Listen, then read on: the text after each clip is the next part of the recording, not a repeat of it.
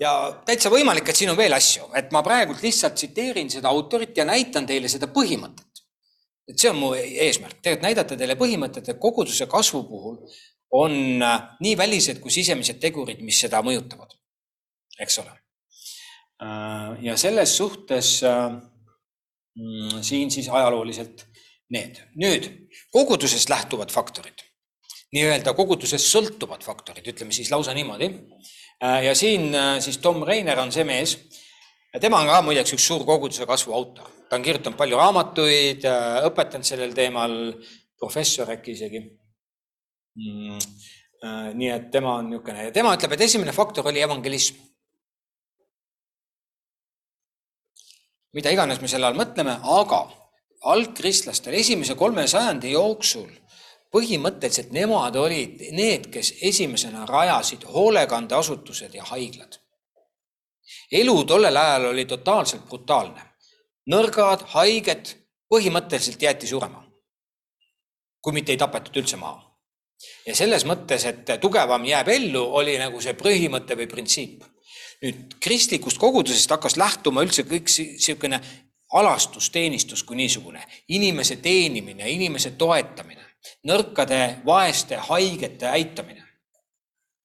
see kõik kasvas välja kristlusest, nii et see missioon ei olnud ainult piibliga pähe, kui ma niisugust terminit võin kasutada, vaid see oli väga palju ühiskonna teenimine sellisel väga lihtsal, arusaadaval moel nii et evangelismi all tegelikult on, see on laiem mõiste. teine asi, mida Rainer toob esile, on palve. Ja seda me näeme Apostlite tegude raamatus, et palvel oli oluline roll koguduse kasvus. ja kolmandaks, nii, nii. huvitav, mul on siit üks asi ära kadunud mul oli veel, aga nüüd läheb järgmise slaidi peale juba. mul oli üks asi veel, ma mõtlen, mis asi ta oli, mis ta veel ütles.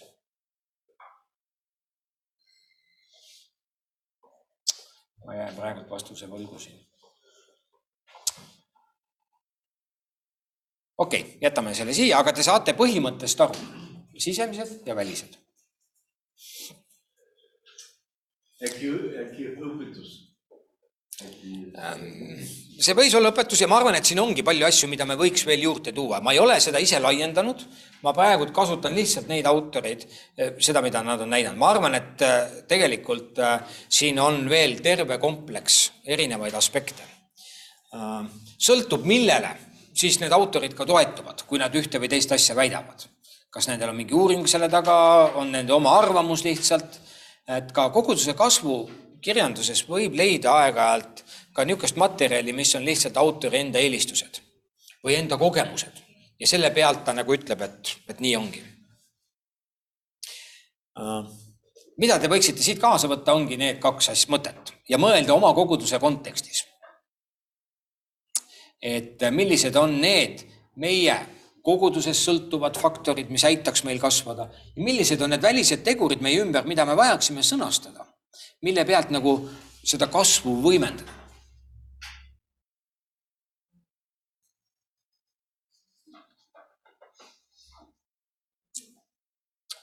ja näiteks enne ma mainisin, kui küla jookseb tühjaks, inimesed lähevad linnadesse elama ja küla jääb tühjaks, siis see väline faktor ilmselgelt on üks tegur, mis on koguduse kasvu vastu. mõni ütleb, et oi, Risti ja Johannes läks kõrbesse sinna ja kõik jooksid talle järgi ole kindel, et kas sa oled siis Risti ja Johannes, kas Jumal kutsus sind olema Risti ja Johannes. et, äh, et ikkagi üldiselt koguduse kasv ja, ja, ja kristluse levik on toimunud nende sotsiaalsete tegurite nagu najal. kui nii võib öelda. najal võib-olla pole see kõige parem sõna, aga põhimõtteliselt nendega koos. näiteks, ma toon niisuguse näite. Lõuna-Korea, kas te teate, kui palju on Lõuna-Koreas kristlaste arv kogu Lõuna-Koreas protsentuaalselt? See on üle kolmekümne protsendi. kujutate ette, ühes riigis üle kolmekümne protsendi on kristlased, uuesti sündinud kristlased. üks kolmandik, see on nagu, see on märkimisväärne arv.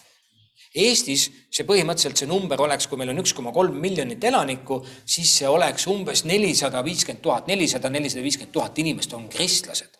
lähevad iga nädalavahetus kirikusse ja elavad kristlust, Kristust välja oma igapäevaelus. See oleks uskumatu. aga Lõuna-Koreas see nii on.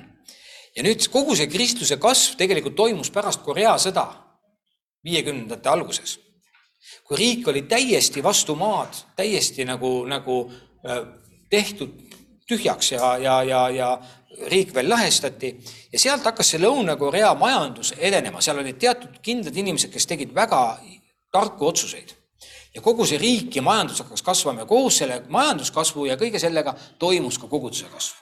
seal olid võtmeisikud nagu Yonggi Cho ja mitmed teised, kes nii-öelda viisid koguduse kasvu üles, aga samal ajal ühiskond arenes, nii et need käisid nagu käsikäes. jumal on loonud meid inimestena elama selles füüsilises maailmas ja ta on andnud meile vastutuse selle elu eest, mis meie ümber on. et, äh, et vahel me kristlastena oleme nagu hästi keskendunud ainult vaimsele kasvule. Aga kui ühiskond kasvab, siis see võib olla ka väga suur tegur, et tegelikult ka kogudus selle juures saab oma mõjult kasvada. nii et äh, selles suhtes äh, mm, näited on erinevad, me ei saa kõiki üle kopeerida kohe kuskilt Lõuna-Koreast siia Eestisse aga meil on alati oluline nagu vaadata, mis need välised asjad on ja tegurid, mis soodustavad ja mis võib-olla ka takistavad. Ma näitan, näitan teile natukene statistikat. see nüüd on statistika, mis annab natuke aru saama meile kristluse seisundist globaalselt, mis toimub globaalselt kristluses. ja mis siis toimub? Äh, jälle üks, üks väga-väga huvitav äh, lihtsalt vihje teile, aga Pew Research Center on üks usaldusväärne uuringufirma. Te leiate nende kohta internetist palju erinevaid uuringuid ja nemad on ka väga palju uurinud just religiooni ja teinud niisuguseid globaalseid uuringuid. Need on väga suured uuringud erinevate rahvuste hulgas ja nemad näiteks toovad välja seal ka Eesti nii-öelda äh, sellist religioosset pilti ja nii edasi. nii et Pew Research, selle peale nagu tasub vaadata Äh, nendel on oma kodulehekülg ja seal nad tutvustavad erinevaid uuringuid. Äh, ja siin siis kaks tuhat viisteist aasta seisuga, kuna need on globaalsed niisugused, kuidas öelda, trendid, siis isegi kaks tuhat viisteist aitab meil midagi aru saada. jah, ta ei ole kõige viimase värskema seisuga, aga ta aitab meil aru saada üldseisust. ja see näitab siis seda, et kristlasi maailmas on kõige rohkem, protsentuaalselt kolmkümmend üks protsenti see näitab meile, et moslemeid on kakskümmend neli protsenti. Äh, ja siin siis juba teised tulevad siia ja siis lisaks mm.. Nii et selle järgi justkui tundub, et kristluse seis võrreldes nüüd üldise maailma religioosse pildiga ei ole justkui halb ja, ja eks ta üldiselt on nagu sellel joonel mõnda aega ka olnud. kui see oleks ainukene slaid ja ainuke info, mis meil on nagu on, siis nagu võiks öelda isegi not bad at all. aga vaatame natuke edasi.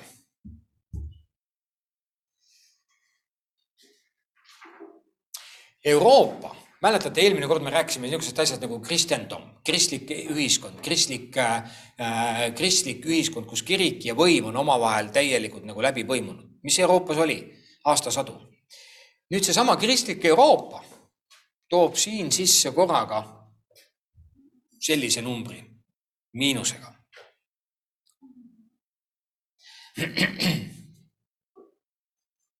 ja põhimõtteliselt Pew Research Center ütlebki, et kristlaste arv Euroopas praegult langeb kiiremini, kui see kunagi kasvas.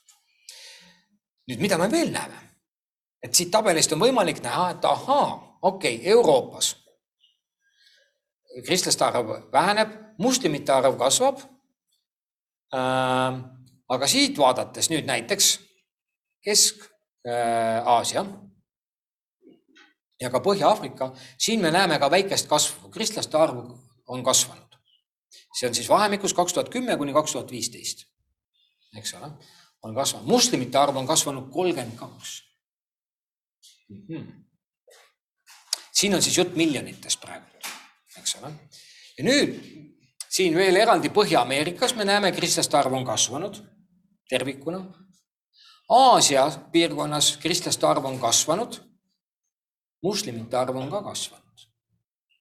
Aasias on väga tugevad moslemimaad, Bangladesh, Indoneesia, äh, Malaisia, mitmed teised, kus nagu moslemid on nagu väga tugevad. Ladina-Ameerikas kristlaste arv kasvanud. Sub-Sahara, see tähendab siis Lõuna-Sahara, Aafrika allapoole Saharat. eks ole, kristlaste arv kasvanud kõvasti, moslemite arv ka. mida me näeme? see annab meile tervikpildi ja ütleme igasuguses uuringus ja ka koguduse kasvu uuringus on absoluutselt oluline jääda ausaks faktidele millised need siis iganes on, kas need meile meeldivad või mitte, aga oluline on, et me võtame neid andmeid nii, nagu nad on. ja jälle siis hakkame neid tõlgendama, mida me siit võime näha?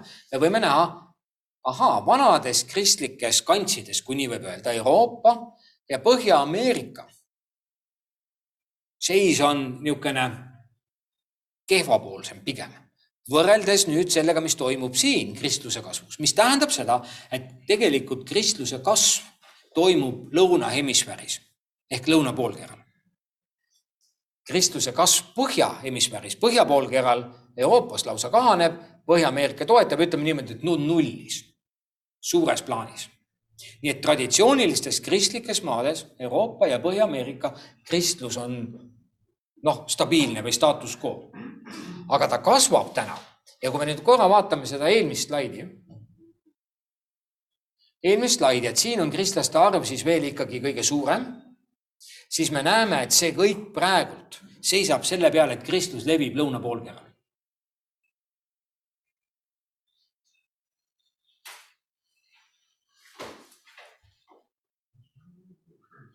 Jah, aga ma lihtsalt mõtlen ka siia selle Euroopa, Euroopa näite puhul on ju see, et nendel aastatel tõenäoliselt toimus tohutu pagulaste tulek kes reeglina ei olnud mitte kristlased, vaid kes olid moslemid.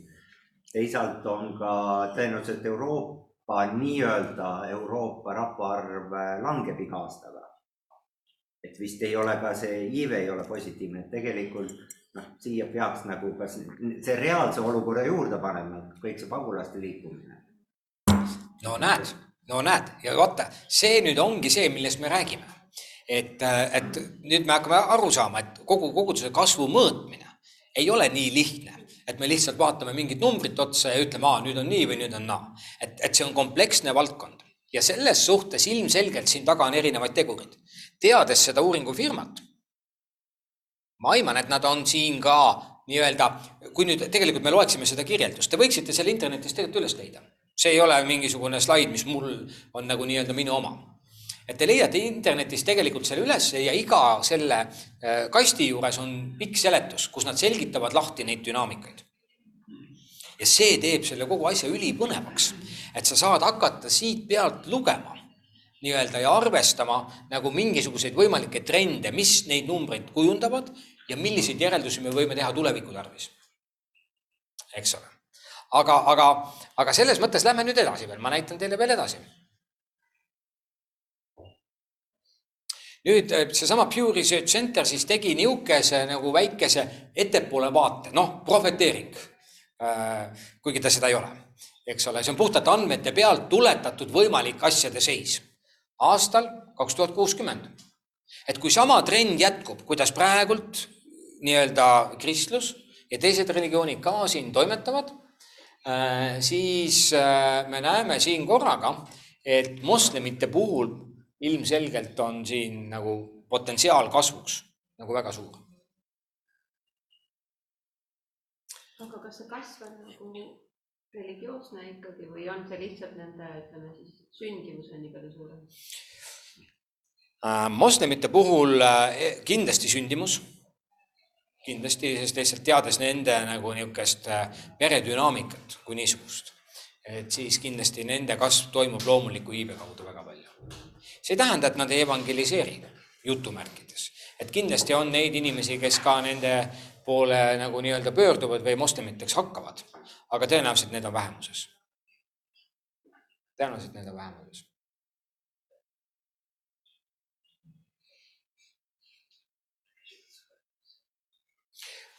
Mul on alati nende asjade vaates üks tõrge ja ma ütlen teile seda lihtsalt ausalt selles mõttes, et minu arvamus on ja see, ma olen nüüd kristlane, eks ole, et, et kristlust ei anna üldse võrrelda teiste religioonidega, nad on olemuselt täitsa ise asjad.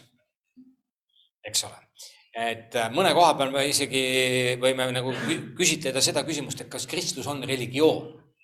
selles mõttes religioon nagu seda moslemid ja kõik teised kokku, aga seda ma nüüd teen kristlasena, eks ole. Nüüd, kui teadlane või nii-öelda uurija seda teeb, siis tema paneb need kõik asjad ühele teljele ja vaatab neid niimoodi koos, eks ole. ja ma olen enam kui kindel, et kui moslemid oleks siin ja saaks midagi öelda, siis nad ütleks ka, et Kristus, see pole mitte mingi asi, see on nii vesine värk. mingid geid on nendel seal ja mingid muud teemad, kõik, nad ei pea mitte midagi lugu äh, kristlastest. mul oli huvitav kogemus, meil oli siis peakaplaniks äh, õnnistamine seal Toomkirikus siin mingi aeg tagasi ja siis Kaitseliidu ülem oli seal. ja tema siis oma tervituses rääkis kolm põhjust, miks temast sai kristlane või miks ta hakkas kristlaseks. ja ta ütles niimoodi, et ma olin missioonil. ma olin missioonil. ja esimene asi, ta ütles niimoodi, et ma nägin missioonil meest, kes suri. ja ta oli usklik ja ta ütles, et ma nägin seda, kuidas ta ei saanud surra ennem, kuni tema juurde tuli kas preester või pastor või kes iganes sinna tuli ja, ja, ja nii-öelda temaga, temaga koos palvetas ja siis ta nägi, kuidas see inimene lahkus nagu rahus. ta oli haavatud sõdur, ta oli surmavalt haavatud ja see oli tema jaoks nagu niisugune kogemus. et, et kuidas nagu inimene nagu, nagu kuidagi leidis endas seda jõudu, et kuni siis vaimulik tuli tema juurde. teine asi ta ütles, ta ütles niimoodi, et ma viisin läbi äh, ülekuulamist ühe Talibani võitlejaga.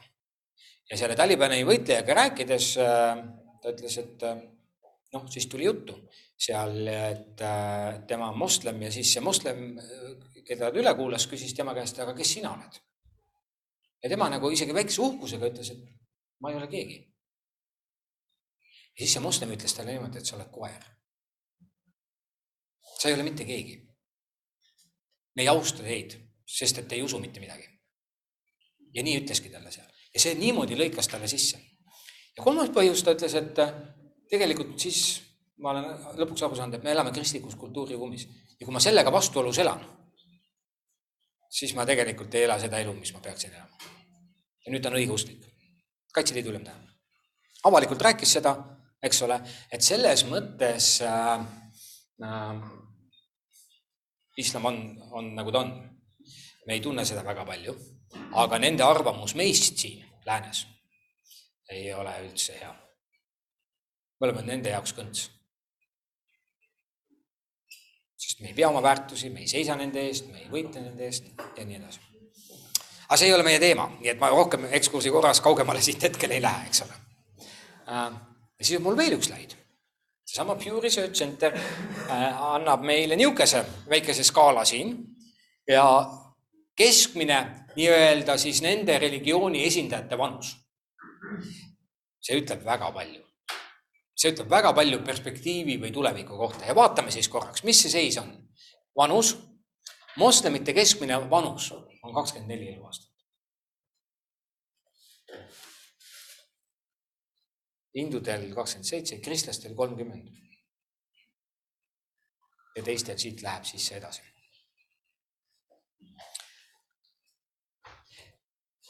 minu meelest see on hästi inspireeriv mõelda korraks minu kodukoguduse keskmine vanus. millised inimesed nagu seal on, millises vanuses? see väga palju räägib selle koguduse nagu lähitulevikust ja kaugemast tulevikust.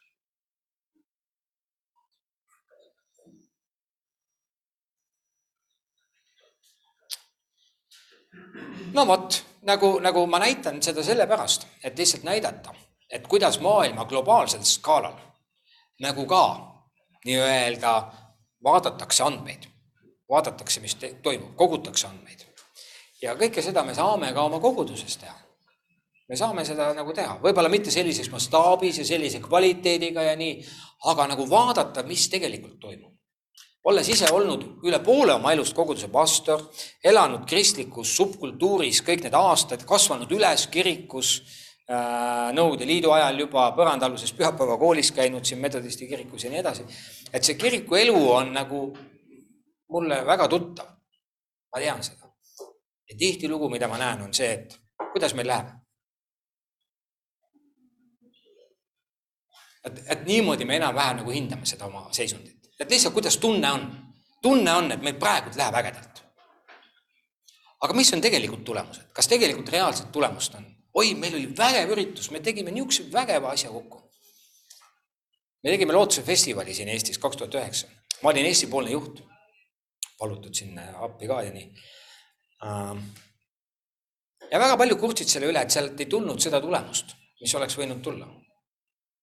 paljud kogudused tegelikult ei näinud inimesi tulemas, kes selle ürituse tulemusena tõesti pöördusid ja nende elud muutusid. see ei tähenda, et ei olnud üksikuid, oli ikka. ja selles suhtes me pidevalt peame nagu uuesti sõnastama, kas see meetod, mida me täna kasutame, kas see evangelismi meetod, mida me täna kasutame, kas see on terav? kas see toimib tegelikult või me lihtsalt teeme, me oleme ise väga vaimustatud. aga tegelikult reaalset tulemust ei ole ja koguduse kasvu uuringud on valdkond, kus me tegelikult vaatame sisse, mis tegelikult toimus, mis on tegelik tagajärg see ei tähenda, et me oleme kriitilised või muutume kriitiliseks nagu selles negatiivses mõttes. see ei tähenda seda. aga see tähendab seda, et me nagu vaatame asjale näkku nii, nagu ta tegelikult on. ei ilusta seda, ei halvusta ka, aga püüame saada võimalikult täpsed ja adekvaatsed nagu andmed. ja oleme ausad sellega. nii. Nüüd ma annan teile väikse grupitöö ja me teeme grupid, viisteist minutit ja palun arutage oma kogudustes. Te ei pea täpselt oma koguduse peale mõtlema, aga Eesti peale tervikuna. Venekeelsed kogudused Eestis ja siis eestikeelsed kogudused, millised on need sisemised tegurid, mis mõjutavad koguduse kasvu? ja millised on need välised tegurid, mis soodustavad ja võib-olla ka, mis takistavad?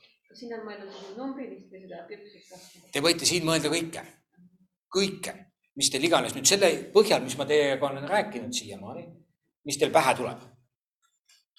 nii et kõik on lubatud. nii-öelda plussid ja miinused, mis takistavad ja mis soodustavad. jah, ja mõlemate puhul, eks ole